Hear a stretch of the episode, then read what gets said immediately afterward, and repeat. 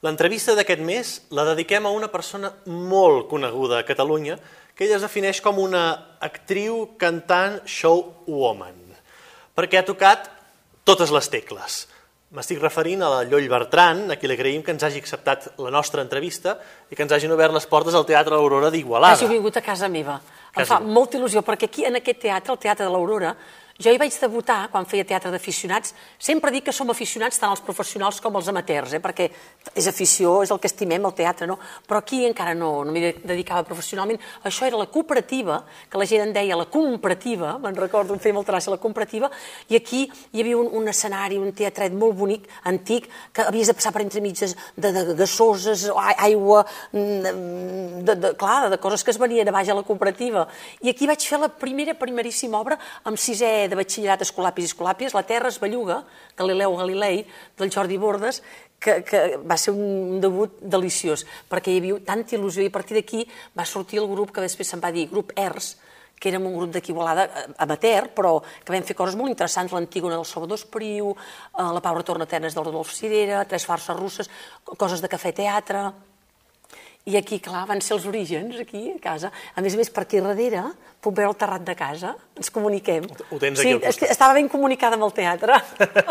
Perquè el 1984 hi ha el debut professional de la, de la Lloll, Exactament. però abans, com, com el, el verí del teatre, com entra dins la Lloll? Ah, És que jo tinc la sensació que ja, ja, ja és una cosa genètica, ja, ja el porto eh, imprès a l'ADN. Sempre he sentit passió pel teatre. Jo crec que el- els nens i les nenes són els millors actors que hi ha, perquè juguen tant de veritat, que és l'essència del teatre, la, la veritat, i jugar, però jugar amb la veritat. El que, el que diuen els francesos, no? jouer le teatre o, o play the theatre, els anglesos. Jugar, i els nens en saben molt, i s'ho creuen tant. I jo crec que els nens són, ja dic, ho fan, són, són, són de premi, perquè és que ho fan molt bé. Tu jugues amb un nen i, i vols ser grans, aprendre el vols... Un moment, un momentet. I ho viuen d'una manera tan intensa. I, clar, i tinc la sort de poder fer d'aquesta afició la meva professió. En paraules del Salvat de Passeig, l'ofici que més m'agrada. I jo t'asseguro que ja... un- No, no, no recordo cap moment que digués ai, ara m'agradaria ser actriu. Ja, ja, ja va ser innat en mi. Jo crec que, que ja vaig, vaig néixer amb aquest coquet. A l'ADN ja hi era. Quan era molt petitona, me'n recordo que m'explicaven a casa, diu, eres molt, molt petita, que encara no parlava, per sort d'ells. I em posaven un didalet aquí, el dit es feia na na na na ni na na ni na ni na ni na, i era molt menuda. I de ben petita jo el que recordo a l'escola, festivals de final de curs, de, de Nadal, de Bertran, sempre voltava... Però hi ha com una cosa tan natural i tan innata en mi que no recordo un moment de dir, ai, mira, ara vull fer... No, no, ja, ja com si formés part de, de, de mi mateixa. Jo és la sensació que tinc. I, I a la descoberta de la música també és així? Perquè molt, molt, hem vist moltes vegades a la Lloll cantant, també, Oi, no? m'agrada molt, m'agrada molt cantar, molt, molt, molt, molt. Com entra la música dins la Lloll? Com la descobreix? Home, jo crec que va ser bastant paral·lel, va anar bastant junt, tot i que vaig començar fent teatre de text, però sí que la música bum, va fer un camí, rius paral·lels, que diria el Màrius Torres, rius paral·lels. Jo crec que van, van entrar bastant plegades, a més vaig tenir la sort, com que a mi em feia il·lusió poder estudiar piano i solfeig a casa, encantar, clar, ara passa molt sovint, que, el- que és una gran sort, eh, que la mainada a les escoles i molts dels ja tenen accés a la música i moltes activitats, però abans no era tan, tan natural. Jo així que vaig dir, casa, ai, m'agradaria fer música, a casa, encantadíssims. I coneixíem una, una persona extraordinària personalment i professionalment, que és la Josefina, o Pepit, ja la coneixia per Pepit, però bé, la Josefina Rigolfes, una gran música concertista, una dona extraordinària, i vam fer unes classes de solfeig. I vaig començar a fer una mica de piano, una miqueta. El vaig, entre cometes, abandonar per, per dedicar per enfortir altres, altres matèries, altres eh, acti- Disciplines. coses- Discipli ah, mira, mostret, buscava la, buscava la disciplina. Aquí tenim la, el Toni Font, que és un raig de, de paraules. La, clar, vaig pensar, ho invertiràs el temps en altres disciplines, que és el que en realitat vaig fer, realment vaig fer. I per tant tenim ja el, la descoberta del teatre, la descoberta de la música, pel que has dit, una bona acceptació de la família, no? Sí, sí, sí, sí, no, no, I, totalment. I per tant ens posem a fer eh, teatre. A casa, saps què passa? Que el, el gust per, per, per l'art per, sempre hi ha estat. La mare havia ballat a l'esbar d'aquí Igualada, la meva tieta, els meus germans, jo també hi havia estat, que també quan veig ballar, ostres, és que se'm van els peus, m'agrada molt. Com tu has definit al començament, que em defineixo com una actriu cantant, jo dic que sóc una actriu en prestacions, no? perquè una actriu que pot cantar, que pot ballar, eh, de vegades et fa una mica de respecte dir-te, sóc una cantant, però bé, si cantes, que passa que, bé, tothom ha de conèixer uh -huh. on són les seves capacitats i els seus límits. Jo sé que no podria cantar òpera, però tampoc no, no em sap greu, perquè tampoc no era el desig que tenia, no? I aleshores, clar, de sempre s'ha viscut aquest, aquest ambient a casa. Els pares els feia un cert respecte que m'hi dediqués professionalment, perquè, i ho entenc, eh? ho entenc perquè ostres, era un món desconegut, una mica... Això ho anava a dir, potser a vegades ara hi ha molta gent d'Igualada, de, de, de, sí. de ciutats més petites de Catalunya, que se n'han anat a estudiar interpretació, teatre, dansa, però potser fa uns quants anys això no era tan habitual. Jo crec que es veia més difícil, no és que Barcelona fos més lluny, lluny és la mateixa distància d'Igualada que, que abans, però sí que les distàncies eren una mica diferents. Ara la gent puja i baixa, el mateix dia hi ha gent que va dues, tres, dues vegades i torna, i, i tot ha canviat molt, i aquell moment l'ofici d'actor es veia un ofici molt insegur, ara en són tots, o sigui, no sí. hi ha cap de segur. Nosaltres hem, ens hem quedat igual, no hem millorat, no, però la societat, diguem, no potser hem pitjorat. Ho hem entomat molt bé perquè diu, oh, ja és el nostre estat natural, aquesta mena d'inseguretat ja forma part de la nostra feina. Uh -huh. Però sí que a casa ja dic, en cap moment em van frenar, al contrari, si tenia l'il·lusió em van dir, endavant, eh, em van empènyer i més han estat allò fidels a totes les obres, els he tingut a baix i ens repetit i sempre, sempre, i ho hem viscut amb molta il·lusió, però sí que els feia una certa por i un cert respecte i ho entenc perfectament, que això no va suposar cap fre, però sí que, oi, segur, veies que tenien una certa por que jo la tindria per un fill meu o una filla meva també, eh? perquè dius, clar, és un món molt competitiu, és un món... Ja dic, tots tenen pros i contres, no, no, no, no és que nosaltres siguem més especials, no, però sí que som uns éssers potser una mica més vulnerables perquè treballem amb sentiments, treballem amb la vida, et fiques en un món que de vegades jo personalment tinc claríssim, em vaig dormir molt tranquil·la que no m'he fet cap enemic, ho tinc claríssim. Ara, moltes vegades pots provocar, entre cometes, una certa gelosia, aquesta treballa, no para mai de treballar, hi ha gent amb molt talent que no treballa i, es creen de vegades un...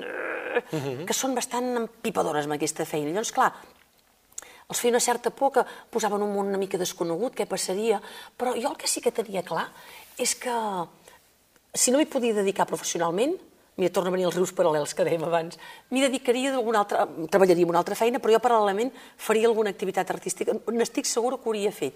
Uh -huh. Segur, ara vaig tenir la immensa sort, com has dit tu, l'any 84, acabo la carrera el 20 de juny del Perquè 84. abans havies anat a estudiar a l'Institut del Teatre. Teatre, que això feia una combinació déu nhi eh, allò, intensa però, però, però excitant també. I allà vas Treballava tenir... a la Caixa de Manresa, Òdena. Imagina't. La mare em preparava la carmanyola, sortia de la caixa, tenia un delegat magnífic, el Ramon Tomàs, un home extraordinari, molt bon home, que em deia vés-te'n cap a Barcelona, ja portaré, abans havien de portar la valisa, la cartera, a la central. Ara tot va per internet i vés-te'n, vés-te'n, ja la portaré jo. Jo sortia d'Òdena i cap a Barcelona falta gent. I aleshores, quan arribava, tenia butlla, Mm, igualadina, podríem dir no de papal, però vull igualadina perquè vaig dir als professors de la primera hora, dic, començava a les 4, dic, jo vinc d'Igualada, vindré directe, però dic, no sé què em puc trobar a la carretera. I em van dir, escolta, tu vine. Mm, no vaig arribar gaires dies, però algun dia arribava 5 o 10 minuts, i res, em deixaven entrar, perquè era bastant estricte i ho trobo molt bé, eh? s'ha d'arribar a l'hora. Però, clar, venia de, de, de fora, vaig fer els tres cursos de l'Institut del Teatre, combinant-ho, la caixa, i aleshores... Eh... I, I cap al final vas trobar un director que era el Pere Planella. Sí, senyor. Gran Pere Planella, el 20 de juny del 84. Acabava la carrera el mateix dia i em diuen, el Pere Planella busca. Va començar, ai, què vol del Pere? I vaig dir, ei, ei, xt, jo sóc una persona que el cor em porta la veu cantant, el cap m'assessora i els peus em toquen a terra. I vaig dir, xt, tu, quieta, que la millor el Pere només vol els teus apunts, perquè feia uns apunts de classe feia unes classes que m'agradaven molt i ens feia punts, i li agradava molt com els feia, em va dir, Lloll, l'últim dia de curs me'ls has de fotocopiar, i potser només vol els punts, i anar esperant, i quan va arribar, Lloll, prepara una obra pel teatre grec del 84, amb la vaja, la crime de la crime de l'escena catalana, i eren tots. Com que tinc temps, tots els dic, el Rafael Anglada, Pau Garçavall, Joan Borràs, Carme Molina, Montserrat Salvador, Joaquim Cardona, Enric Casamitjana, Miquel Graneri, eh, Enric Pous, Enric Serra, i va debutar el Madaula, la Rosa Vila, Carles Sabater, l'enyorat Carles. diguem-ne. De, de... El Víctor, Víctor, sí, Víctor Pi, el Pep Ferrer, la Montserrat Miralles, Lluïsa Sala, és que, és que eren tots, allà hi eren tots, Va ser una cosa tan meravellosa de poder-te trobar amb els grans de l'escena catalana que això de vegades penso que ara falla una mica, que abans era molt bonic de... Ens va juntar els grans de l'escena catalana amb gent que sortia, una remesa que sortia de l'institut, i va ser meravellós. A més, jo crec que es fa un, un meritoriatge molt bo, allò que se'n deia abans, de vinga, la- l'aprenent que anava allà a aprendre l'ofici, a costat dels grans. Jo a la mitja part, era molt bonic perquè a la mitja part baixàvem el Rafael Anglada i jo, ens col·locàvem a l'escena, perquè jo era la, la clienta de tota la vida, que anava a buscar transilla morada, i començava de molt joveneta fins a molt velleta. Que el Pere Planell em deia, torna-m'ho a dir, Lloll. Li feia molta gràcia, perquè a Igualada tanquem una mica l'A final de paraula, fem un, com una A o, una A fosca, fem Igualada, mare, mm, jo feia, mm, que tenia una mica de transilla morada, i li feia molta gràcia, m'ho feia repetir. I a la mitja part baixàvem, jo era allà que havia comprat la transilla, i el senyor Anglada, que era un home entranyable, era com, com un peluixet, era tan, tan, tan entranyable. I em deia, nena, com més memoritzis, més memòria tindràs. I et deia coses de d'actors de tota la vida, que deies, ostres, que tenien... Ara la gent que puja ara té molta tècnica, que està molt bé, ells potser no en tenien tanta, però ostres, tenien tant ofici. Però havien estat I sobre havien l'escenari. trepitjat, i, i uf, el, el contacte a l'escenari, el públic, com es treballava abans, que n'havien d'aprendre allò... feien, feien pesos, eh, Sí, realment. eren taules, no? Exactament, I, i era un gust sentir-los parlar i que t'explicaven anècdotes, i era fascinant. Jo va ser, per mi, entrar al teatre per la porta, pel cancell, per la porta més gran, més grossa, tu, teatre grec, grec. la, grec, l'escena, amb tots els grans a l'escena catalana. Va ser... I mentre feia l'auca del senyor Esteve van dir, ei, que hi ha els flotats aquí a Catalunya. Exacte, anava a dir això, Ah, perquè ja t'he després, vist els ullets. després, després d'un un grec arriba un dels noms, eh, no sé si a l'època ja era així, però ara és un dels noms majúsculs Sí, sí, del sí. teatre català. Home, hi va haver-hi molt Josep rebombori. Maria Flotats. Ara, esclar, pensava que no l'havíem dit, potser anàvem parlant. És aquest nom, per si no l'havien dit, Josep Maria Flotats. No, no, i en aquell moment ja... Oh, el Flotats, torna de la comèdia, ve a fer proves, oh, i va haver-hi allò... I organitzava, no només venia, sinó que organitzava la companyia Flotats, no? Exacte, que va estar molt fer... temps al poliorama. Jo vaig fer sis muntatges amb el Josep Maria, van ser sis màsters extraordinaris cada obra. Va ser magnífic treballar amb el Josep Maria i preparava les proves per muntar el Cirano i recordo, va ser un càsting deliciós. Si tots els càstings fossin així, jo crec que descobriríem molts talents, perquè quan la gent va amb un càsting a patir, allò, com un, allò, allò que diem sempre, un càsting que és un càstig, eh, no pots treure el millor d'una persona, penso jo. I ell va fer un càstig deliciós. Vam arribar allà, ens van donar un tros del misantrop, que va ser premonitori, perquè després vaig fer el personatge. Justament, ell potser ni se'n recordava el personatge que havia triat. Perquè em vaig mirar la protagonista i vaig pensar, no, a tot encaixa més l'altra, la- l'Arsinoé, que és la falsa amiga, la, la, la hipòcrita, la, la, la, la, la, la, la falsa pi, pietosa, que, que se'n va allà amb l'amiga i li diu, escolti, jo som l'amiga seva, eh? Però sap què diuen de vostè? Que és una fresca, que és... li diu tot. I l'altre diu, ah, això diuen de mi, doncs esperi que li del que diuen de vostè, perquè som l'amiga seva. Oh! I una escena meravellosa. I vaig preparar aquesta escena, i quan arribo, ell em feia la, la, La rèplica, la rèplica, i va ser deliciós perquè deia, sap què diuen de vostè? Què, què, què, què? Va ser, tornem a la paraula que et deia al començament, jugar. Vam jugar molt bé. Quan jugues amb un altre que t'hi entens molt bé, que està jugant amb les mateixes normes, les mateixes regles de joc, jo crec que es produeix el, el, el miracle, el- la- la- l'espurna, la, la, la, la màgia, no? Aquella química que hi haurà sobre l'escenari. I ens vam entendre molt bé. Quan vaig arribar al, al grec, com ha anat la prova? Dic, m'ho he passat molt bé, però no sé, no sé si m'agafarà, perquè dic, hem rigut, ens ho hem passat molt bé, però cada uns quants dies em truca a la caixa de Manresa, jo portava sola una oficina que hi ha aquí. Aquesta, com que era l'estiu, era una, una oficina d'aquí d'Igualada, al carrer Comarca. Estava sola, a la tarda anava a acabar de fer coses que no havia pogut al matí atenia més la gent, i, més, i la tarda em truca el Josep Maria, Llull, voldria disponibilitat total, vegades, a vegades li faig bromes, diu, imita'm, imita'm, imita'm.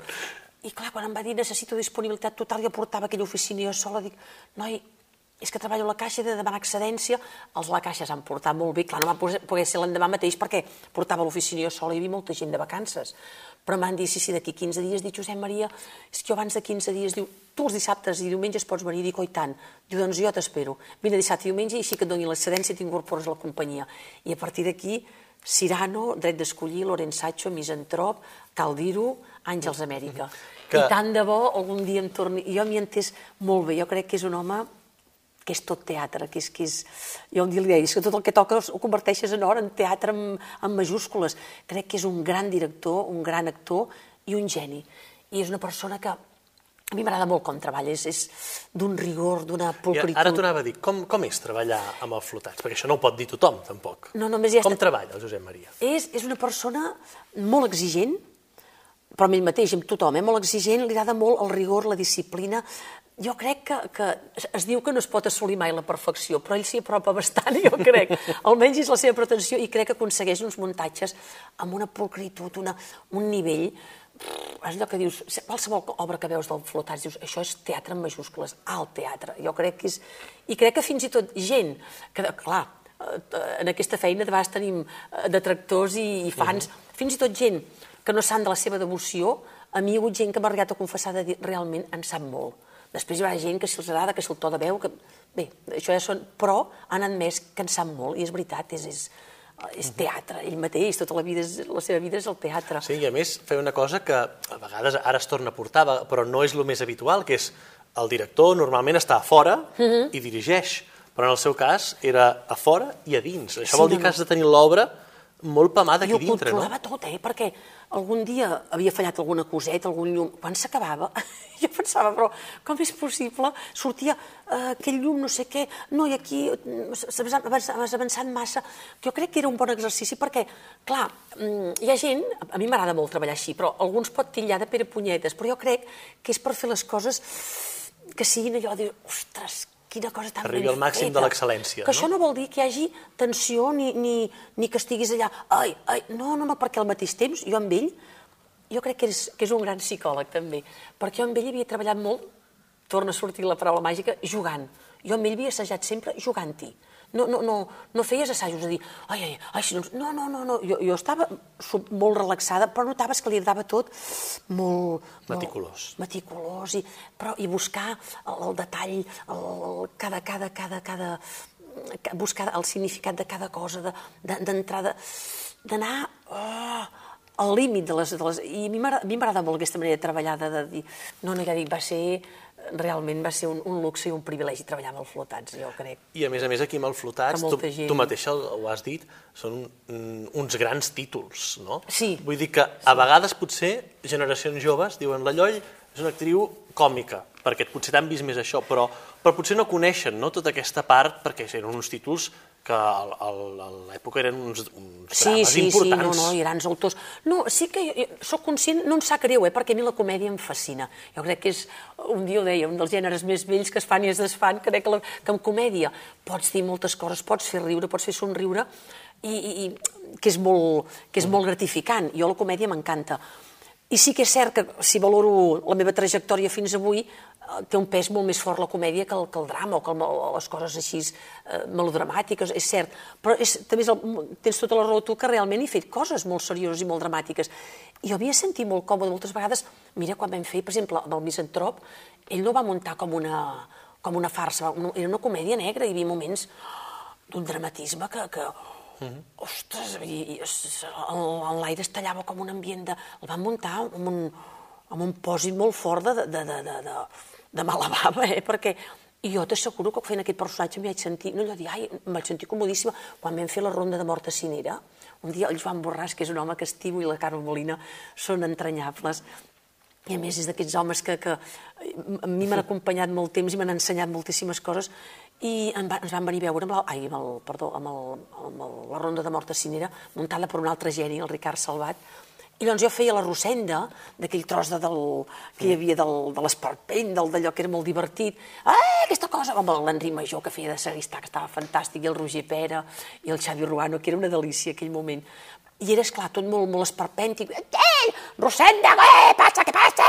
I jo m'ho passava de conya. Però llavors, al final, hi havia aquell conte de la Treseta que baixava les escales. És preciós, que era el moment que es moria, i anàvem al funeral jo sortia allà una veïna que li, li tenia així una mica d'enveja, esclar, que la, la caixa és de fusta bona, tu diràs que... I era un monòleg molt seriós, i t'asseguro que i el, i el Joan Borràs m'ho va dir, diu, nena, m'ha fet molta il·lusió, diu, perquè la Rosenda ja sabia que era... Mira, que, que, que, per tu era molt natural fer, però aquest monòleg, i, i t'asseguro que no va ser una cosa, i és que em va costar. M'hi vaig sentir molt còmoda, molt de gust. Les decisions o l'atzar ha anat portant potser més cap a una part I me'n còmica. que el senyor Salvat m'ho va dir un dia, no em va dir qui, i tant és, eh? Diu, quan ho vaig plantejar el llibre perquè tu fossis la Rosenda i fessis altres papers, algú va dir, diu, ai, la Lloll, no, no, no mala, ai, no, no, eh? Però com volia dir, això, la tele, de... i el senyor Salvat diu, oi tant, que la Lloll diu, és que, a més, el Flotats em deia un dia una cosa, i penso que té raó, dins d'un còmic hi sol haver un gran dramàtic, dins d'un dramàtic no és tan clar que hi pugui sortir un còmic, però dins d'un d'un gran còmic hi sol haver un bon dramàtic. I és cert, jo crec que... I a mi no m'ha fet mai por de fer, de fer res dramàtic. I ara estava pensant, de tot això que deies de la companyia Flotats, jo recordo, i encara podria tancar els ulls i veure-ho, és una imatge que tinc gravada, el 1994, al Caldiru, Fets, fet els deures, eh, Toni? el 1994, havia dit que és una... És, vaig, oh, és com a, que Caldiro, Caldiro, Ah, Caldiro. Exacte. El, uh, segurament allò que diem tots, el teatre, una de les coses més importants que passi és que l'espectador surti diferent, no? li hagi passat alguna cosa. Jo, sí senyor, Eh, ben jo en, en aquesta obra jo la recordo eh, per edat, era, era petit, però jo vaig anar al teatre a veure-ho, i vaig rebre un impacte emocional molt fort. Vull dir, tanco els ulls i encara veig aquells bigotis pintats de color rosa, i recordo, per mi, era veure la felicitat a sobre l'escenari. Fins i tot recordo Ai, el flotats, el flotats, al final, penjant-se el taló quan Sí. pujava i Eh, és baixava. veritat, és veritat. I era com, uau, o sigui, aquesta gent o sigui, fer aquesta feina és fantàstic, vaig pensar. Sí, sí, sí. I l'obra està molt, molt ben muntada, amb les cançons, amb l'orquestra que estava amagada al darrere, que tu no descobries Sí, fins al que final. al final que sortia ja es veia, pam, primer sortia amb una, amb una mena com, de xarxa. com va ser aquest, aquest treball? Perquè, No. a més a més, era un espectacle musical. Sí, És a dir, que... i cantàvem a pèl, eh? Exactament, a pèl, no hi havia, sense micro. no hi havia, no hi havia microfonia. Teníem Eh, els músics més endarrere i nosaltres Però vull dir que venint de el Cirano, de totes aquestes coses molt dramàtiques, molt de teatre de text, com surt Sí, la sí, idea de dir ens anem a fer el, un Eugen Lavich? Perquè jo crec que el, el, el Flotats és un gran amant del gran teatre, però del teatre popular, que arribi a tothom. No fer coses... Sí que ha fet alguna cosa, Voltaire, no sé què, i Pascal, i coses així més intel·lectuals, Mhm. però ell sempre ha estat un amant, jo també, de fer teatre de nivell, però que arribi tothom, no teatre d'aquell que dius, ostres, ara què m'expliquen, quin avorriment, o que et poden fer una locubració filosòfica molt interessant, però dius, ostres, tu, quin rotllo, quin totxo. Ell ha d'arribar eh, eh, amb el públic amb bon teatre. I, clar, havia fet un seguit d'obres així, eh, Sí, sí, de pes. dures, i de, Sí, i de sí. cop heu de dir, va, fer una cosa, com tu deies, alegre, simpàtica, lluminosa, plena de colors, però gran teatre, la Bix, Offenbach, les músiques eren meravelloses. I m'agrada molt això que has dit, que la gent sortia... A mi, a mi, a mi és una cosa que jo penso que és la base del teatre, perquè, que, que, que ens ha de fer emocionar, Mhm. com sigui, rient, plorant, fent-nos pensar, és igual. Has de sortir, perquè si vas a veure una cosa que surts i dius eh, passat una, aquella sensació que has matat l'estona. Sí, sí, a més, dic, fa, ara des del 94 ha plogut, fa uns quants anys, i recordo precisament, ara només parlant, la faldilla escocesa que portava, Quan sortia el senyor Mussons, que venia de les orques. amb les maletes, amb el joc dels paraigües, no? I era boníssim. Era, va, va ser un muntatge... mm, Jo crec que si no hi hagués hagut el d'alta baix que hi va haver, ell el volia, volia fer una reposició al Nacional, no hauria fet alguna reposició, perquè era una meravella aquell espectacle, va ser eh, deliciós, era molt divertit la relació. Jo tenia tota la casa plena de mans, per tot arreu, ja començava l'obra, aneu, aneu, aneu, perquè us descobrirà el marquès i tota la casa, i al final acabava dient això, cal dir-ho, no cal, tothom és feliç. I si el públic marxava feliç, doncs encara amb més motiu. sí. Però això a mi m'agrada molt que, que diguis això de... mm, Per mi és dels regals millors que té aquesta feina nostra. Quan veus que la gent se'n va... mm, Ja ho dic jo sempre, que amb l'humor, amb l'humor o amb el teatre, mm, potser no podem canviar el món, però jo crec que el podem fer una mica millor. millor. No? I per aquí al mig, perquè hem anat desordenant coses, eh, hem, hem estat ara... Hem fet, eh, Vaig flo- endavant i Hem fet endarrere. flotats, ara. Eh, el No, em vaig 90 una mica per la tangent, eh? això ja m'ho va dir un dia l'Espinàs. Un dia dic, ai, Josep Maria, que he marxat, he sortit per la tangent. Dius que en tens moltes, eh, nena? I anava sortint. Però tornem, tornem cap aquí, aterrem a l'Aurora. Doncs deia, per aquí al mig hi va haver, eh, el 1992, La Lloll, un show ben viu. A més, un espectacle premiat. Sí, senyor. Sebastià Gas de Teatre. Em venia molt de gust fer, fer alguna cosa de teatre, vam buscar, a més vam trobar un títol, el Saldoni, La Lloll, un show ben viu, monosíl·labs, allò, pam, pam, pam, pam, que fos sonor, com el meu nom, no? I, i ja fèiem com un... Era una, el meu Era aniversari. una, era no arribaves. I no arribava. No arribaves, no arribava. I clar, teníem tot el públic, el teatre ple de gom a gom, el condal ple de gom a gom. Què fem? Doncs mira, sortien les tietes, les meves tietes, la tieta de la Llull, i deia, tu, doncs és igual, que comenci la festa, comencin els, els convidats i que comencin a fer. Llavors s'esbatussaven la Marina, deia que no volia ser, tios, tios, jo no vull ser la talonera, i s'esbatussava. I a més, allà eren tots, no?, perquè hi havia, eh, a part dels personatges televisius, però hi havia eh, la Feliu, Mota, Rossell, la Martirio, vull dir, apareixien Sortien tots per allà, tots no? perquè venien a celebrar el meu aniversari, com que no arribava, havien d'anar fent la festa. Al final sí, arribava de Pobilla de, de Nova York, de New York, allò, New York, arribava, acabava al final de, de festa, celebràvem l'aniversari tots junts, i era ganes de poder celebrar una festa amb, amb tota la gent al moment que vivia, també, que, que d'eufòria, de, de, de, de plenitud, a la, a la televisió, que els, els, els, els shows funcionaven molt bé, i hi havia una audiència, de vegades eh, t'esgarrifes de pensar i de dir, ostres, és que alguna vegada havíem superat el milió d'espectadors. Una vegada arribo a TV3 i diu, nena, un milió dos-cents, i dic, no pots, quina, quina bogeria, no? Allò dius, uah, amb unes audiències que dius, uah, I per tant era juntar la part teatral, la part de la televisió, perquè també hi havia personatges que havien Sí. segurament nascut a la televisió, no? Uh, Nil, la Vanessa, no? Sí, A- home, saps què? Apareixien per allà. Jo m'agrada molt, sempre he pensat més en, en clau teatral que televisiva, per dir-ho així.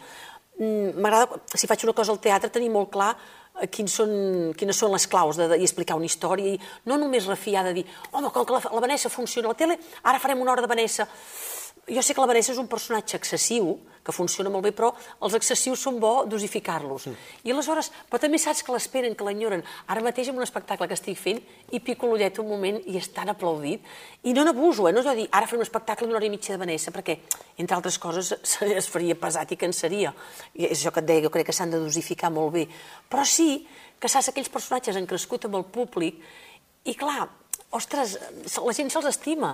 I aleshores, que hi puguis fer una picadeta d'ullet, t'ho agraeixen tant, i d'alguna manera sempre hi ha, clinc, en espectacles meus, estic fent un misantrop, evidentment que no ho faré, no? però en espectacles meus i ho agraeixen moltíssim. A més, jo crec que tant la Vanessa com la Sandra, això que et deia, no van sortir amb un parell d'esquetxos, van anar creixent al costat del públic. I aleshores, clar, en algun moment, eh, tot i pensar molt en clau teatral, sí que deia, els has de fer aparèixer una mica, però apareixien molt, encara que fessin un moment televisiu, però molt integrades al teatre. No allò de dir, ara com que aquests personatges funcionaran, els ajuntaré tots vinga, anar fent... No, no. No, i la prova és un espectacle premiat, per tant, Sí, sí, diguem-ne, i Sebastià estava Casc, tot... que recordo el dia que el vaig anar a recollir, la, la, seva, la seva neta, eh, van venir amb la, seva, amb, la, amb la seva senyora i la- l'àvia de, de... Bé, aquesta no- noia, quan me'l va venir a donar, diu oi, és un goig donar algú, que, aquest premi a algú que li fa tanta il·lusió. Dic, és que me'n fa molt, molt, perquè va ser un espectacle molt treballat, molt suat, molt... No, no, no vam comprar una franquícia i dius, a veure, pim-pam, això funciona aquí, és un espectacle que el fas de zero tu Sí, sí. I, i clar, no saps què passarà amb el públic i l'has d'anar fent, crees. aquest gag no funciona clar, que te l'has te Sí, l'has sí, treballat sí, sí. molt, doncs que hi hagi un premi, ostres, doncs és un bon llacet final, no? Exacte. I, com hem dit, en aquestes èpoques estaves en un lloc on segurament tothom et va veure que és la tele, no? A TV3, Uh, havies fet aparicions abans, no? Sí. Perquè uh, he anat trobant, buscant coses, Tres estrelles, Exactament, uh, Blanco sí. Negre, el Joc del Vol- Segle... vols dir-ho, no? sí, senyor, el Joc Uh, del- fins a arribar al show de la Lloia, TV3, no? Clar, el, el, el Blanco Negre va ser molt divertit amb el Sobre dels Dius, que ja fèiem uns esquetxos que deien dos finals. I aleshores, amb el joc del segle, el Quim Puyal em va donar l'oportunitat del segle, perquè allà va ser... Hi havia una part de concurs i una part de show. Jo feia els esquetxos, les imitacions, doncs jo m'integrava al concurs amb el Charlie, fèiem alguna petita entrevista, i a partir d'allà va funcionar molt bé el, el, tant el concurs com el show el- l'estiu. Van dir, ostres, TV3 encara no havia fet gaires coses de, de, de, de... Vaja, per no dir res, cap estil de show. S'havien fet programes d'humor i coses, però amb aquell estil d'esquetxos, imitacions, això mateix de les imitacions, el Quim em va dir un dia, Lloll, veus el cor d'imitar? Dic, bo, provem-ho. Van començar a sortir les paròdies que imitàvem. I aleshores TV3 van dir, ostres, aquí hi ha un material que podríem reciclar, i a l'estiu van posar la millor Lloll. I van reciclar tota la part de show del Joc del Segle. Va funcionar molt, molt bé. Van dir, s'ha de fer un de un show. programa. Hem de fer un programa. I van sortir les Llolls. De... Fins al 96 vam estar fent... Ho dosificàvem també, perquè jo crec que és molt bo pels guionistes i per tothom parar, exigeix Parar molt un programa d'humor. no? I, I llavors no, no era allò de dir, va, farem 300 programes. Jo m'agradava més fer un trimestre, parar, que tornessin la gent a tor tornar-nos-hi a posar, i vam anar fent temporades breus, no, no allò de dir, vinga, 50... I, I com funcionava, per exemple, una, un, una jornada de gravació d'aquest programa? Perquè hi havia públic en directe, Sí. hi havia un entrevistat, però també hi havia tots els gags, no? Ah, exacte. I les paròdies musicals. Home, t'asseguro que es va fer un treball jo sempre ho dic, que, que, que vam fer artesania, de debò, eh? era artesania pura, perquè els esquetxos es portaven, es llegien, segona cosa, escolta, retoqueu, aquest final no funciona, es tornaven, tornaven a venir, es convocava els actors, assajàvem, es feia, però a consciència, no allò de dir, vinga, va, pim, pam, com un clínex, vinga, fer servir... No, no, no, no. que a vegades la tele té aquesta mala fama de, de, de treballar ràpid, moltíssim, es treballava molt intensament. Tampoc no vol dir que ens encantéssim, eh? vull dir, es feia feina, eh? però, però sí que era molt intens i molt, tot molt assajat, molt preparat. No era allò de... Que quan, quan es van començar a muntar els DVDs d'aquests programes, m'ho deia el realitzador que muntava, diu, nena, mira tu bé que això no es tornarà a fer mai més. Perquè, vaja, tal com funcionen les coses ara es va a un altre ritme. I això ja dic, no vol dir que fóssim uns encantats de dir, ostres, és que fèiem un sketch en un dia, no, no, eh? Que es feia feina, però molt intensa, però s'assajava molt, es treballava molt, i jo crec que tots érem conscients que estàvem vivint un moment molt especial de la televisió. TV3 no acabava d'arrencar, però sí que era una televisió molt jove, amb molta il·lusió, molta empenta, amb moltes ganes de... Tothom s'hi abocava, s'hi engrescava, hi havia saps allò de uf, la nostra televisió, va ser un moment molt especial. I jo crec que vaig tenir la sort de ser a l'època daurada de TV3 hi havia el Puyal, van haver-hi, ostres, el Huerga fent uns programes molt, que eren pioners, que no s'havien vist en tot l'estat. I jo crec que tot, tot l'estat ens admirava moltíssim, malgrat que no ho reconeixen mai, però de dir, ostres, quin nivell de TV3. I crec que va ser una època, per mi, daurada. Segurament la prova d'això és que eh, aquest programa està editat amb, amb DVD i les paròdies, eh, les imitacions eh, Sí. musicals en CD també està, es va Sí, fer. sí. Per tant, diguem-ne, això no passa de, qual, de tots els programes, per tant, és, és segurament un programa especial. No, i a més, per exemple, hi ha una cosa que sí que l'he comprovat, perquè a- a mi o a casa ens costaria molt poc de dir oi, nosaltres ens agrada molt perquè no tens l'objectivitat, però també seria eh, també seria crítica a mi mateixa de dir, ostres, va ser molt maco aquella època, però ara ja ha quedat desfassat, t'asseguro que jo me'ls miro i m'hi enganxo. I no jo, m'ho han dit companys meus, que per exemple tenen fills petits que no havien vist. Diu, els ho hem posat amb els nens i estan allà així, enganxadíssims, i els nens o els agrada o no els agrada, eh? no Sí, sí. estan per brocs, eh? Si no els agrada... Una no altra estan- cosa. escolta, i veus els nanos allà enganxats, dius, ostres, funcionen, ara els repeteixen algunes matinades, ho estan Sí. repetint, i m'ho dit, jo pensava que aquesta hora no s'ho mirarà ningú, doncs noi, Catalunya, gent, Catalunya sí. és tronera, eh, perquè m'he trobat Sí, un sí. munt de gent, gent de dir, i em va trucar un amic meu que em va dir, diu, que són actuals, dic, nen, que tenen 20 anys, això, això vol dir que et veu si fa o no fa, vol dir que no et veu gaire canviada, però en cap moment ningú m'ha dit, ai, ara ja queden, què va? Hi ha gent que diu, per què no en feu més? Perquè realment jo crec que continuen sent molt vigents i que ara es podria fer un programa així, renovant-se coses, actualitzant-ho, ara hi ha moltes més coses. Nosaltres havíem treballat, ara amb coses digitals és molt més fàcil, fer jo havia doblat personatges i era molt més complicat, ara és molt més fàcil en aquest sentit. I d'aquest programa la, hi havia les paròdies musicals, no? Mm. les, les actuacions, que ja hi havia una complicació tècnica, perquè una d'aquestes, per exemple, era el nove d'un pam de la trinca, per tant hi havia tres llois, tres llolls fent de, de, de, cada, de cada trinco. Era molt divertit. Això va ser, això va ser una I, i descoberta. Rocío Jurado, la Cher, la Celia Does Cruz... he love me? El I Prince. wanna know. Kiss. Vull dir que, que, que, que era un, un repte, no?, també per la, per la televisió. Jo era una cosa que, quan ja dic, quan m'ho va dir el, el, el Quim Maria Puyal, que em va dir, Lloll, mm, el joc del segle, què et semblaria eh, imitar? Li provem-ho. No, no, no, no m'ho havia plantejat de dir ara, em dedicaré. I aleshores, la primera que vam fer va ser la Rita Hayworth. Put the blame on me, boy. Aquella va ser molt... Però vam fer la trinca, vam fer uns quants... I va ser una cosa fascinant, perquè jo com que eh, m'agrada molt treballar en detall i tinc molta paciència, em puc passar hores allò davant d'un vídeo anar observant aquell personatge. I jo dic això que et deia abans, que els vampirits una mica, no els xuclo la sang, eh, però els xuclo una miqueta l'ànima, i és fascinant entrar en tot el, els, els bioritmes d'una altra persona, perquè de cop i volta jo a la millor gesticulo molt i quan vaig fer, per exemple, la Maria del Mar Bonet, clar, és molt més mesurada de gestos, la mirada... Que, clar, hi ha una sèrie de coses que has de canviar la teva manera de funcionar, no? I és molt divertit per dir, coita, aquesta persona, i fixa't, i té un tic que fa com una cosa així, i anar observant detallets, i, i és fascinant perquè veus tota la manera de funcionar d'una altra persona, com es belluga, com parla, com mira, i és, és molt divertit perquè entres a la personalitat d'un altre, altre ésser. I va ser molt... Amb els trincos, em vaig passar molt bé amb el mainat, que vaig pensar, una mica la faixa, l'Is, o el d'allò l'altre, el Miguel Àngel, aquella veu, que sempre estava així mitjafònic, el Toni allò de Guaperes, i era, era molt bo, perquè és això, que entres a la personalitat d'unes persones que funcionen molt diferent, o no, alguna vegada poden coincidir en coses, no? Però és entrar en un altre món i uixt, et capbusses a dins i, i els, els, els observes, els, els, els retrates, els, els copies, no? Els...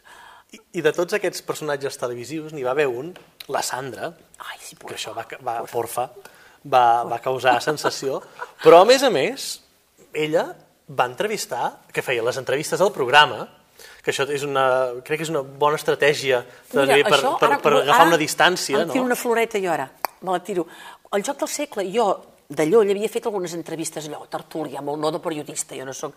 I recordo quan vam fer el show, ens hem reunit tots els periodistes, ai, els periodistes, els guionistes, tot l'equip del programa, bé, pensem esquetxos i farem la cançó i no sé què, i farem, i anaven sortint idees. Ostres, una part d'entrevista s'hauria de fer, Llull, com ho veus?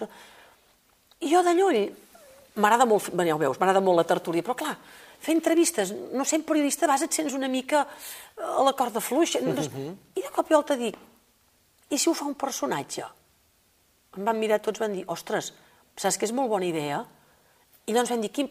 La Sandra, que ja, ja havia nascut en Joc del Segle fent d'hostessa dels Jocs Olímpics, que van dir, aquí hi ha un personatge, i van dir, la Sandra.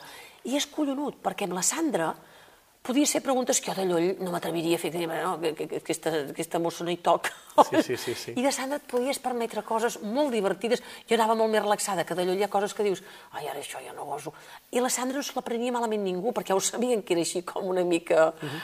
I, I a més a més, eh, la Sandra va entrevistar personatges com el Rowan Atkinson, sí. per exemple, no? Vull sí, dir que sí. no era quatre convidats, no eren convidats no, no, de luxe. Sí, sí, ens venia gent escoltem, tenir el, el Josep Maria Subiracs, el, el, la Gim Pere, la Cavaller, el Llongueres, el, és que va venir... I, i com s'ho prenien el, el, quan els explicaves? No, no, Potser la gent de Catalunya sabia una mica ja Uh, bueno, doncs és la, Lloll que fa un però personatge, curiós, que... però la gent de fora, per exemple, era com, ui, què però està no passant pensis, aquí? Va, va passar una cosa curiosa, a mi em va fer gràcia perquè, clar, el gran públic de l'Estat no em coneix, evidentment, però uh -huh. la professió, jo em vaig quedar sorpresa el dia que va venir, un dia que va venir el Bossé, Diu, hombre, claro que te conozco. I el Bardem un dia em va dir, sí, te conozco, jo, eh, és jo el Bertran, va dir amb aquella veu. I, I va fer gràcia, o la Carmen Maura, que va venir aquí, que ella tenia, no sé si encara hi havia una filla a Barcelona, i la, la filla li va dir, per, cap, per un cap d'any que jo vaig fer, va venir, i la filla li va dir, mama, has de veure aquesta noia. I diu, ai, jo quiero que m'entreviste. Va venir a la ràdio a fer una entrevista i després va venir el programa de la tele. I vam fer una entrevista molt divertida. I, i clar, el Rowan Atkinson mateix va ser molt interessant, perquè, clar, tots, tothom el recorda o de l'Escurçó Negra o del, -huh. del Mr. Bean, que fa com un nen petit, com un clown una mica així, uh, curt de gambals i de... I clar, allà va, vaig veure un actor anglès que quan li hem demanat que fes el To Be or Not To Be ens ho va fer com a Rowan Atkinson, com a, sí, com a Rowan Atkinson i com a Mr. Bean. I va ser molt bo perquè vas veure el, el Mr. Bean realment allà, aquelles coses que feia, i després vas veure un actor allò de Royal Shakespeare, que to be or not to, allò, així, era molt... És curiós, em va fer molta gràcia perquè va ser molt amable, molt correcte, però molt seriós. O sigui, llegint el Mr. Bean i sembla que t'hagi de sortir allà un clau. Era així com un gentleman anglès. Molt british. Sí, sí, sí. I a més vaig veure una cosa que ho vaig entendre perfectament que ell va demanar l'entrevista, volia veure què li preguntaríem, i va demanar que no, no sortíssim massa del guió, que ell volia tenir que ho trobo molt bé, té una imatge té un, i la conserva i vigila, que a vegades dius, passa un programa que dius, no, no saps ben bé què et faran fer, no? Que va a caràcters, també hi ha gent, sí, sí, vinga, jo em llenço a la piscina. Uh. -huh. Però que ell tenia, i va, va estar molt intel·ligent, interessant, va estar, i molt divertit. I en canvi hi havia gent, on tothom els ho dèiem, eh? si voleu saber l'entrevista us direm no com els hi preguntaríem, però sí de, del que parlaríem, això, això i això. No com els ho preguntaria la Sandra, que tenia moltes vegades, deia, però com pot fer aquesta pregunta, fer comparances així? O i ara li faré una pregunta que potser el posaré més en evidència que un sindicalista va cair. I l'altre, ha, ha, ha, perquè no s'ho esperava. Però això sempre ho guardàvem perquè era la reacció però sabien que, la gent que ho havia vist sabien que la Sandra en cap moment els posava en cap compromís. No era una entrevista que dius, ai, ai, ai. Potser es posava en un compromís ella, no?, més aviat. Mira, ho has dit tu, o sigui, qui, qui feia el ridícul segurament el feia era ella, perquè feia preguntes i coses que deies, però què diu? I deia tonteries, però l'entrevistat eren preguntes i vostè quan va començar a triomfar i quina cançó li agrada més, eren preguntes que podia contestar perfectament en, en cap moment hi havia cap pregunta trampa. No, era, era el to de l'entrevista el que feia riure i les reaccions que tenia la Sandra, que clar, a mi em deien coses que no sabia què em dirien, i pum, deia alguna bestiesa, i ai, l'entrevistat reia, però ell mai, mai, mai es van trobar de dir, ai, ostres, que tothom estava molt... I tothom va jugar-hi molt bé. Tothom es creia el personatge, que això era la, la clau que funcionés l'entrevista. I això va acabar de, amb un cap d'any, fins i tot, a TV3, no? Home, va ser... Pum! Vull dir, El- és com la, la cirereta del pastís. Sí, exacte, exacte. I després vam tornar a veure una Lloll trepitjant escenaris amb Degoll de Gom, amb Pigmalió, Ai, quina meravella. no? fent una... Bernard Shaw. Exacte, Que- un clàssic, un altre clàssic. Una mica tornant al que havíem estat abans, no? potser amb la, Fèiem la companyia Flotats, i a més vi- havies tornat al poliorama. Sí, senyor, exacte. Dirigida pel Bozzo, va ser una experiència també magnífica. Fèiem broma, dèiem, de goll, de llull. Perquè era, va ser, és que és una obra mag- tan, tan, tan ben escrita, és perfecta. I més aquí hi ha una cosa que a mi em va agradar molt, perquè és una obra, jo crec que és molt completa en el sentit de fer passar la gent per moltes emocions. Hi ha moments molt divertits i moments molt dramàtics. Passes com a la vida, no? Que... Són alts i baixos. I això et permet fer un personatge al començament, eh, co- Corti, que vull aprendre a parlar bé, i que, és barruera, i que és... I de mica en mica la van ensenyant, la van ensinistrant. Ella, hi ha aquell punt d'enamorament del professor, però el professor se l'estima i, i s'enamora, però no com a, com a dona, sinó com, com a ésser que ha creat, no? L'ha creat, eh, l'ha fet, l'ha fet una... una, una Sí, sí, l'ha passat d'una senyora que estava al carrer a l'alta aristocràcia, exacte, no? amb tota una senyora. I l'enamorament que tenen no, no funciona, no, no va pel mateix canal. I aquí hi ha el, el trencament. Però és una obra, a més, és un paperàs. Uf. És que és això, que té tants colors, té tants matisos. Jo sempre dic que m'agraden els personatges plens, no plans.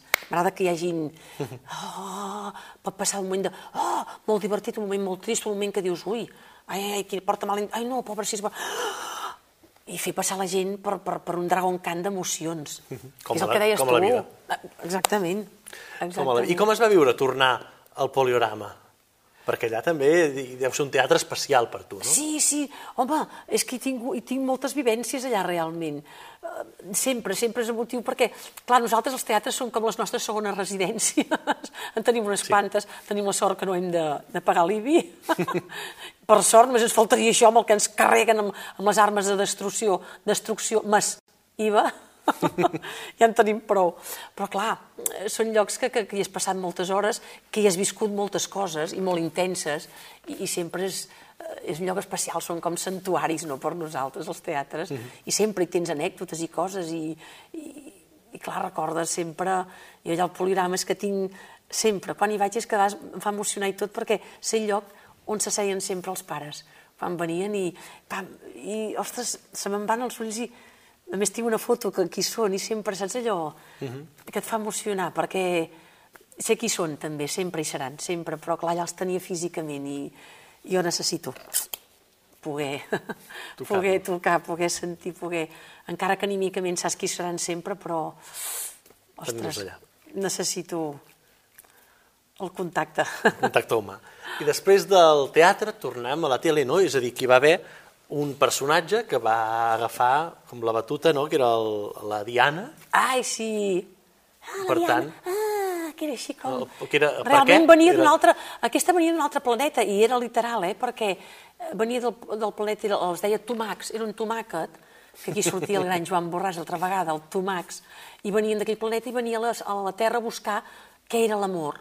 Perquè veien que amb l'amor la gent es reproduïa i diu, vés a descobrir què és l'amor que ho portarem aquí al nostre planeta. I a partir d'aquí, doncs, ella s'integrava per, per infiltrar-se, doncs, eh, la, anava a parar en una casa que deien, tu, n'hem de treure partit, la feien presentadora de televisió, i a partir d'aquí, doncs, es feia... La, hi havia ja com una mica de sitcom, al començament, i la part de show. I jo crec que també vam fer Diana, i valgui la, la redundància, amb el, amb el show també.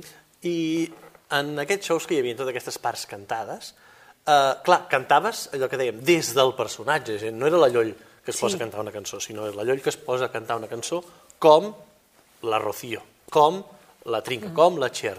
Com, com es viu això a nivell vocal, no? Perquè, diguem-ne, si imitar ja costa, imitar cantant ha de costar més. Home, és, és una mica com quan... Això que et deia que observaves personatges, és anar fent un treball i una tècnica, anar provant, ja veus que, que la millor... eh, Per exemple, va molt bé buscar personatges que siguin parodiables. Ara dic una, una, una obvietat, però vull dir, clar, si posen algú que de vegades té una veu tan, tan blanca, tan eh, sense matisos... Sense característiques no ha- pròpies, De potser. vegades dius, home, una mica difícil que puguis imitar aquella veu. Va bé buscar personatges amb trets una mica forts, que, que els puguis estrafer. Tu agafes la Celia... eh, Pa mi tu no eres nada, tu tienes la bemba colorada, que esta voz... de-". I anar estudiant a dir, a veure, la, la coloratura on la col·loquen, no? On- On van a buscar... mm, És, de tota manera, a vegades t'emporta sorpreses, perquè eh, la Maria del Mar Bonet representa que aparentment no fa coses estranyes, i de cop i volta dius, ostres, hi ha aquesta col·locació més mesurada, més... Però abril, matuït, sab- hi ha un punt que també engula una mica la veu. Has d'anar buscant com colors, on la col·loquen, si el, el, Prince quan feia el Kiss que la, la, la impostava, Kiss, eh, saps que aquesta veu així... És anar trobant una mica eh, allà on col·loquen la veu i, i és anar fent un treball també tècnic, és com observar els gestos, és, és, és anar-la buscant a dir, a veure, a veure si la pots trobar. Oh, oh veus així, més afònica, allò, oh, Miquel Àngel, que té veu així, de rascava, que... I és anar-lo buscant a dir, a veure com la fa, i és una mica tècnicament anar-ho buscant i anar, oh, oh, oh, oh, anar provant. Per tant, diguem-ne que de, de totes aquestes coses de la llolla, a part de disciplines, t'ha agradat tocar una mica tot, no? Perquè hem tocat teatre, tele, ràdio, també, món de mones, no? El món de mones. Home, una mica, jo dic, un dia vaig dir, dic, soc una tasta llolletes. he mirat, he pogut fer de tot i m'ho he passat bé tot arreu, he estat feliç tot arreu, sincerament. Jo crec que el, el lloc natural és el teatre, evidentment, però ara que deies la ràdio, va ser... És molt... És, és una cosa... Tothom que fa ràdio en queda enamorat de la ràdio, jo crec. Jo crec que et captiva, perquè tens una relació amb els oients molt agradable. Eh, és, és, és, parles, parles, realment parles amb la gent.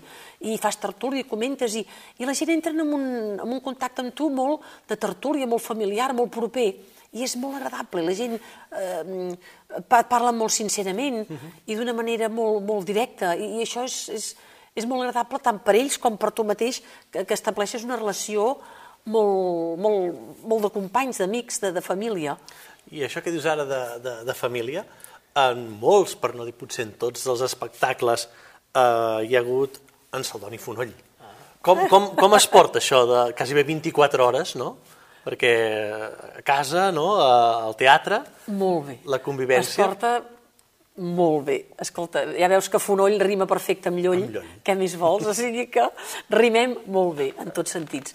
I moltes vegades la gent et diu, ostres, però viure la feina, dic, no, perquè primera que a tots dos ens, ens fascina aquest món de l'art, ens agrada molt treballar amb les paraules, la llengua, eh, hem- vam fer moltes versions per la ràdio de cançons i, i ell sempre l'hem fet allò, ell, ell té molt, molt enginy, per la, parla molt, molt una bona llengua, es nota que, que l'estima, que la coneix, que la domina, els poemes que fa, els llibres que ha fet, tant de natura com eròtics, com amorosos, són impecables amb una bona llengua, mm, exquisits. Jo, jo crec que, que, que són realment una delícia i sempre hem treballat junts. I clar, mm, nosaltres ens anem molt bé i no vol dir que sempre hi ha moments que, que l'un, ai mira, Saldònia, que no et sap que me'n vagi amb una estrena i ell de vegades les estrenes li fan una mica més de mandra, doncs me n'hi vaig jo amb una amiga o amb un amic eh, que, que, que tens moments, però que, que t'asseguro que no ens fem gens de nosa, al contrari, al contrari, treballem molt de gust, ens entenem molt bé i ostres, jo crec que és, vaja, mm, és la, no és cap utopia trobar-te una persona que sigui la parella, l'amant, el còmplice, l'amic, el soci, eh, el veí, el veí de l'escala, perquè tenim escala dins de casa. Doncs, i, que, que, que realment és, funciona perfecte. Això, això, això és bo. I un altre de, dels homes de la teva vida haurà estat en Joan Pera. Ah, No? oh, A mi em dóna la sensació que, que les obres aquestes havien de ser molt obertes. Amb el Joan hem rigut moltíssim, ens ho hem passat molt bé. Sempre que li envio un missatge, Joan, com estàs, què feu? O ara que encara l'he d'anar a veure amb una cosa, que del fantasma l'he d'anar a veure, no hi vaig poder anar, però ni el Està vaig... al Condal, exacte. Exacte, el fantasma de Canterville, i que li vaig enviar un missatge, pare, pare, pere, que tingueu un èxit de por, no sé què li deia, nena, que tinc ganes de treballar amb tu, perquè ens hem entès molt bé, amb totes, eh? però justament amb, tot, amb totes ens hem entès molt bé, però l'últim, el Tenorio, que era ell i jo, jo el veia, com que ho va dirigir ell, eh, va tenir ajuda del Jordi González de Focus, però bàsicament va ser direcció d'ell, se sentia allò uf, que, que, que, que ningú, ningú l'en- l'encotillava, mm -hmm. s'ho passava molt bé. I amb el Joan ha estat una escola, també un mestratge d'aquesta cosa de, de la improvisació, de, de parlar... Pam, es, es fot el públic a la butxaca en segons, té, té una connexió amb la gent i ens ho hem passat molt bé. Ens hem entès molt. Una vegada me'n recordo, un dia em deia nena, nena, tu que ets tan cartesiana, dic, oh, Joan, un dels dos, perquè si no això, això seria el caos. Però de tant en tant, eh, clar, jo vinc, per dir-ho així, d'una escola allò més organitzada. Però bueno, que també també fem un bon tàndem, perquè també està bé allò...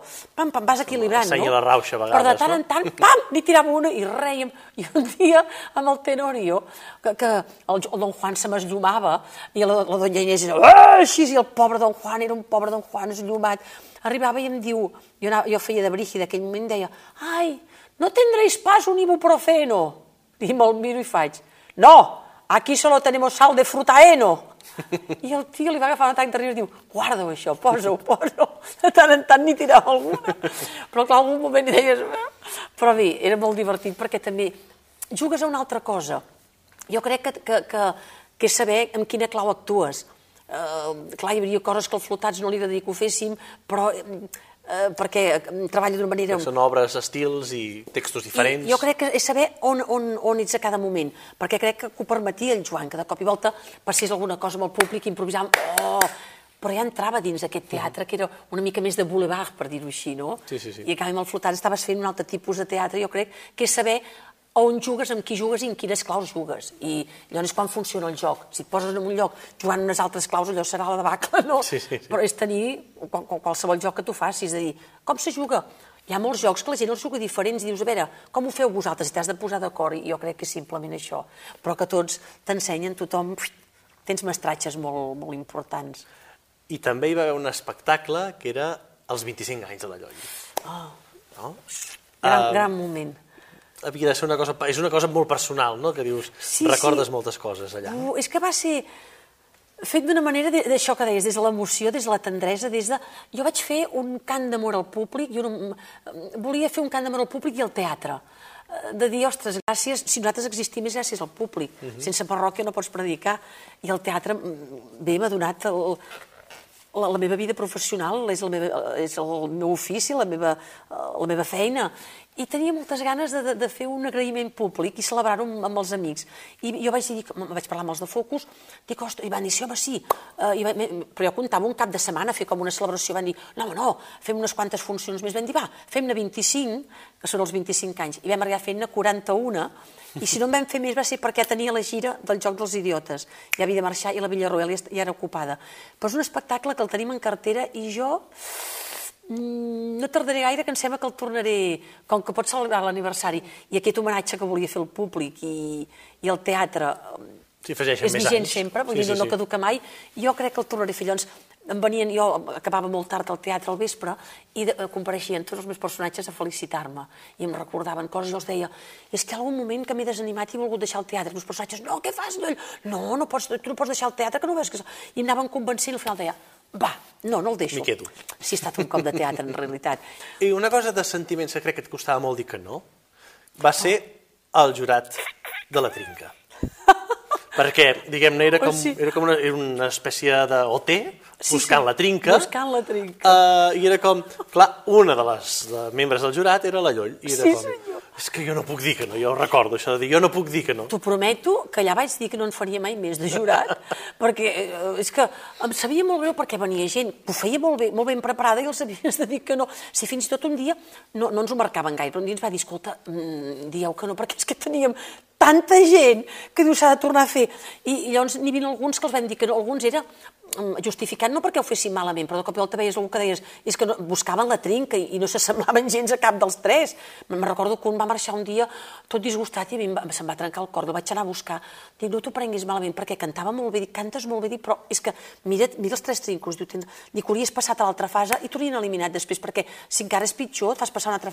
I jo vaig passar, i sempre que podia, pensava que desempatir les altres, i ho vaig dir, i un dia em va agafar el Toni Cruz, que això és penjat al YouTube, diu, vine, que t'ensenyaré a dir que no.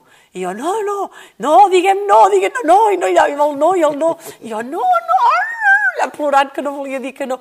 Em, em sabia molt greu, perquè veies gent amb il·lusió, amb ganes... Jo, jo no me'ls miro mai, aquests programes de talents, i... perquè és que veig jurats que de vegades tracten a la gent amb una mica de crueltat. Una mica allò que deies del, del càsting, càstig del flotats, no? Sí, de dir, Uh, si, si tothom se sent còmode, segur amb que pot ensenyar va ser moltes un més gust coses. tan gran i, i jo em vaig deixar anar i, ostres, segur que vaig mostrar moltes més coses i, i va ser un càsting, un, perdó, un càsting meravellós. Llavors, clar, veig programes d'aquests que ja sé que volen fer espectacle, que, uh -huh. però hi ha, moments que trobo que se van a la línia de la crueltat i la, dius, no cal, no cal. I anar a dir, a més, veu gent que la millor no en saben ni la meitat del que, del que està fent allà. No, no, això no dius, però, però si aquest tio no, no, no, seria incapaç de fer aquest... I ho trobo tan injust, i vaig dir, ai, em sembla que no em faré mai més de jurat. Però vas acabar fent una pel·lícula. Ah, sí? Oh, va ser... Vas acabar fent una pel·lícula amb la trinca. Vaig tornar a cantar Nove d'un pam, però amb una altra versió. Exacte. Les monges que acollíem la companyia que venia a cantar, que els deixàvem una habitació per canviar-se, i allò, mare de Déu, Nove d'un pam, Nove d'un pam per les escales del... Vam estar gravant fins a les 3 de la matinada, un dia, però va ser d'aquestes sessions que dius, ai, que bé. Eh, Hem parlat d'uns quants homes de la teva vida. Un altre dels últims És de podia dona, ser de dona. l'Àngel Llàzer. Home, home, l'Angeletto, que li dic jo, és, és un home amb una vitalitat, una imaginació, una energia desbordant, és, és, és un geni, és un tio que uf, té una capacitat de treball extraordinària. I amb l'Àngel ens hem entès molt bé, hem connectat molt bé, jo crec que és un home que també m'ha fet, fet treure coses que gairebé desconeixia jo i tot, allò, perquè és un home que et fa jugar al límit, va, i treu, i prova, i busca, i és molt divertit. També és un, jo crec que és això, que com el flotat, són gent que saben jugar a teatre i en saben, i en saben Perquè a mi molt. també has fet molts muntatges, i, i un que l'has fet dos cops, que era el, el Molt Soroll, al sí, Teatre i Nacional. el Jerónimo Stilton, que va durar I sé quantes temporades, va ser un excitàs brutal, brutal, amb un personatge que, que, que el, el recordaré sempre, la bruixa estria, la reina negra. ah, que era ben sonada, però una bruixa que volia el poder, el poder, jo volia el poder, estava, era malalta de poder. Que vam trobar una cosa molt maca amb l'Àngel, perquè jo li vaig dir un dia, dic, Àngel, em fa por, fer massa por, perquè, clar, els nens, l'aventura els agrada molt, però si comencen a tenir nens, eh, dius, home, mm, si els fem passar una mala estona, i diu, la farem una mica boja. I va ser la clau, perquè els nens reien, s'ho passaven bé, i veies que algun de petitet, potser quan passaves feia així, però tenien molt clar que jo no... els- Jugava una caracterització molt... Oh, molt potent, eh? Amb Molt aquells potent. ulls, aquella, aquella corona, aquells cabells llargs, aquell cap així mig... El cap... Oh, era una cosa brutal, i era una imatge. Però els nens tenien molt clar que jo perseguia el ratolí i el gripau del conte, que a ells no els faria mal. I molts nens, puixa, i em saludaven perquè jo formava part del conte, ja sabien que no els faria mal amb ells. Ah, res, i feia com la, la, la bogeria. I segurament aquí potser passava una mica allò que havies dit en el primer muntatge del Pere Planella. Unes generacions joves estaven... Jo recordo Sí, sí. companys que estaven a, en aquesta producció de dir és que hi ha la llolla, eh? Ah! Oi, eren, jo, a mi em va- a mi em va agradar tant poder treballar. E, Era una companyia, t'ho asseguro. De vegades el tòpic aquest, oh, que una companyia que ha molt bon rotllo, que, que sembla un tòpic. Era una companyia de gent va ser tan, tan plaent poder treballar amb tota aquella gent, molts, no diria que acabessin de començar, però tots eren molt joves, i doncs hi ha tanta il·lusió, tantes ganes, jo com que les ganes no les he perdut mai, sempre, cada vegada que em truquen per un paper em fa tanta il·lusió, i sempre dic que em fa molta il·lusió no haver perdut mai la il·lusió. Me'n recordo que un dia estava, eh, fèiem la doble vida al Condal i ens va venir l'Àngel a la final de les Champions, no sé què era un final, que venia amb la samarreta del Barça, i jo fent broma, dic, oh, no hi ha cap paperet per una iaiona com jo, amb aquest espectacle que farà, jo el vaig així, i es queda parat així i fa...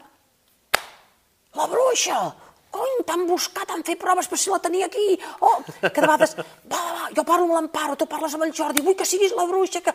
I jo crec que, que, que va funcionar molt bé, que el contrast aquest que dius, moltes vegades hi ha com una por a treballar amb altres generacions i no sé per què.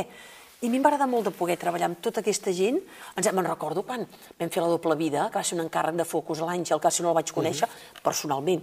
I va arribar, em va fer molta gràcia, perquè arriba i fa allò que fa l'Àngel, que té sortides. Diu, bé, surt l'Àngel Llàcer, diu, és la primera vegada que treballo amb gent gran. I vaig veure la cara del Pere. I a mi em va agafar un atac de riure quan ho vaig sentir. Ja, ja, ja. I el Pere va mirar així com, dic, Joan, no passa res. Diu, home, grans, però què passa? Com així. I a mi em va fer tant riure, però hem repetit més vegades, sempre ens hem entès molt bé, i amb el molt soroll em va muntar un número per lluir-me. Ella dir, ale, fer un número per tu. Me'l va muntar per, per, perquè Sí, sí. puguis allò espategar ben fort. I en el Jerónimo eres dolenta, però en un altre lloc, que era el fang i setge, també eres dolenta, però dolenta, eh? Oh, Mira, que sortia, perquè la bruixa era dolenta, però una dolenta de còmic, i dolenta dins el conte. I, eh, eh, com que estava mig boja, i a més a més al final paga, paga, clar, mira, els dolents, els dolents, els dolents... Conseqüències. Els dolents, els dolents, a veure, bé, hi ha moments a la vida que sembla com es paguin sí. conseqüències i en bona, però que passen coses... A la realitat, ja ho diuen que la realitat supera la ficció, però la ficció no, la ficció sí que es fa justícia de veritat, a la ficció. I, i aquí la, la bruixa del conte. Però en Funky Setge era un personatge que quan sortia molta gent deia, ai, allò, t'han fet massa dolenta. No els agradava que fes tan dolenta. I jo m'ho passava molt, els personatges dolents són molt agraïts com a actriu. És, és... Perquè, a més a més, jo crec que la Núria no era una dolenta mm, vocacional de dir ara surto a veure qui faré mal. No, no, no, no. Era una persona que anava vivint. El, el que li... Sí, sí. Per viure, per les seves circumstàncies, mirava per ella.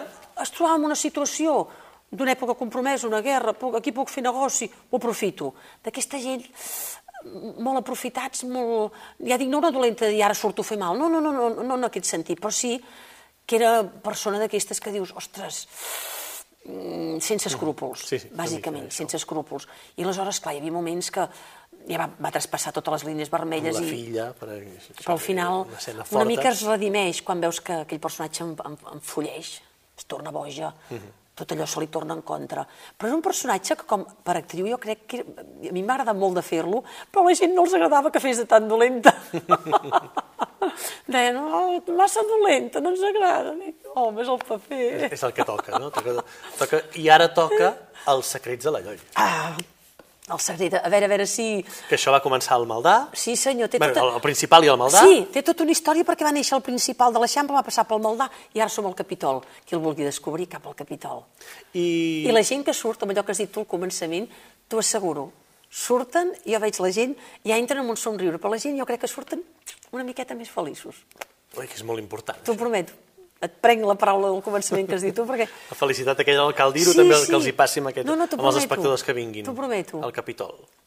I després del Capitol, cap on pot... Ja sé que no ho diràs, però No. cap on pot volar la Lloll? No, saps què? Hi ha, hi ha una gira guapa, eh? Has dit el, també el...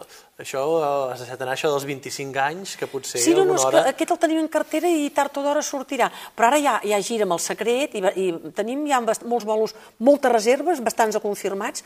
Ja gira, participaré en una cantata a l'Escola de Música de Calaf molt bonica amb 260 nens que cantaran, jo faré eh, amb, amb, amb un nebot fem de, de narradors, però també cantem, ara el mes de, de, de maig.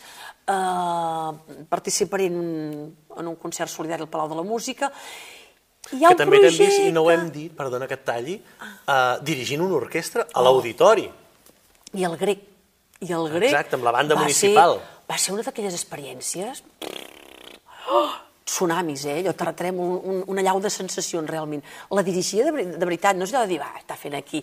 Fins i tot eh, m'ho va dirigir el David Pintor magníficament, va, va voler que la primera peça, o sigui, no allò de dir, no, que, que va sola, que com que són, és molt bona, la banda municipal de Barcelona és molt bona, que ja pot anar sola, no, no,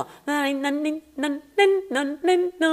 i xan, xan, xan, xan, xan, i havies de, en un assaig recordo que no sé què vaig fer, que em vaig despistar, ah! Dic, ai, què ha passat aquí? Diu, dic que em seguiu, diu, esclar que et seguiu. Ostres, tu quina... No, no, però m'ho vaig aprendre i fins i tot un dia em van confessar uns amb ell, diu, nena, saps que ens has dirigit millor que alguns directors que han vingut? Perquè m'ho vaig preparar. Si, si, si projectes no, no funcionen, pot, sempre una- pots tornar a la banda municipal. Sí. No, doncs ara deia que després del secret... era un altre secret.